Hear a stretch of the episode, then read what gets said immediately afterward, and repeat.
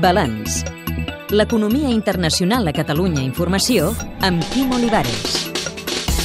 La segona potència econòmica mundial ja té oficialment els dirigents que la comandaran durant la pròxima dècada. El cap de l'estat de la República Popular de la Xina és el camarada Xi Jinping, que en 10 anys vol combatre la desigualtat social, la contaminació, la corrupció i la dependència en les exportacions.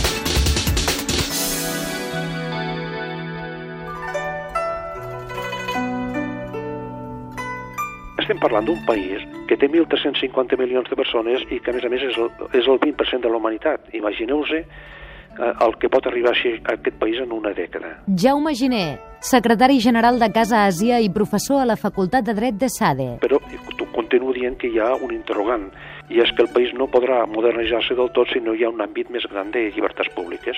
Calen ara dos tipus de reformes. Tant econòmiques i polítiques, perquè el model actual està incrementant les desigualtats de tipus territorial i social i a més amb un greu, greu problema mediambiental que encara no resol el sistema.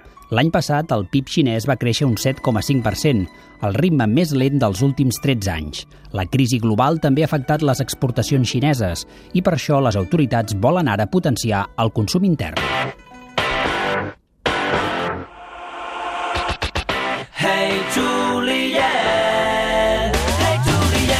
La clau són els 300 milions de xinesos que es calcula que pertanyen a la classe mitjana. Però això és un, un arma de doble fil, perquè a mesura, a mesura que les classes mitjanes van adquirint capacitat adquisitiva i volen entrar en l'economia de mercat, a la vegada, a la vegada demanen també més llibertats públiques. Li hem preguntat a Iris Mir, corresponsal de Catalunya Ràdio a Pequín i resident a la Xina des de l'any 2000, quines són les aspiracions de la classe mitjana de la capital. La classe mitjana emergeix a marxes forçades a la Xina.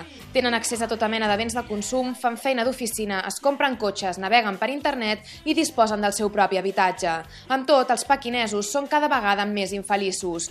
La vida a la capital és reflex de com la Xina ha crescut fomentant un desenvolupament desigual. La falta d'un estat del benestar dilueix el poder adquisitiu d'aquesta classe mitjana. Les joves generacions creixen amb molta pressió. Els seus pares volen garantir que tindran la millor educació possible perquè quan siguin grans puguin destacar en un dels mercats laborals més competitius del món. Per les famílies xineses, a la despesa de l'educació s'hi ha de sumar la falta d'una sanitat universal i, per sobre de tot, l'estalvi permanent per garantir una bellesa digna en un país sense pensions de jubilació.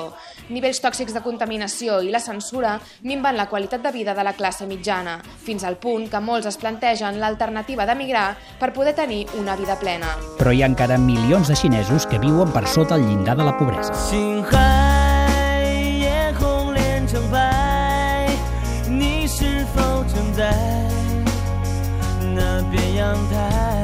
La Xina en si vol modernitzar-se ha d'incrementar encara més el nivell de, de vida de la, de la major part de la població, perquè encara hi ha una part de Xina que està en vies de desenvolupament, no hem de confondre el que són els ciutadans i la renta per càpita del que guanya un ciutadà a Xangai, a, a Beijing o a Guangdong i el, el centre i tot el que és la, la part oest del país moltíssima, moltíssima desigualtat.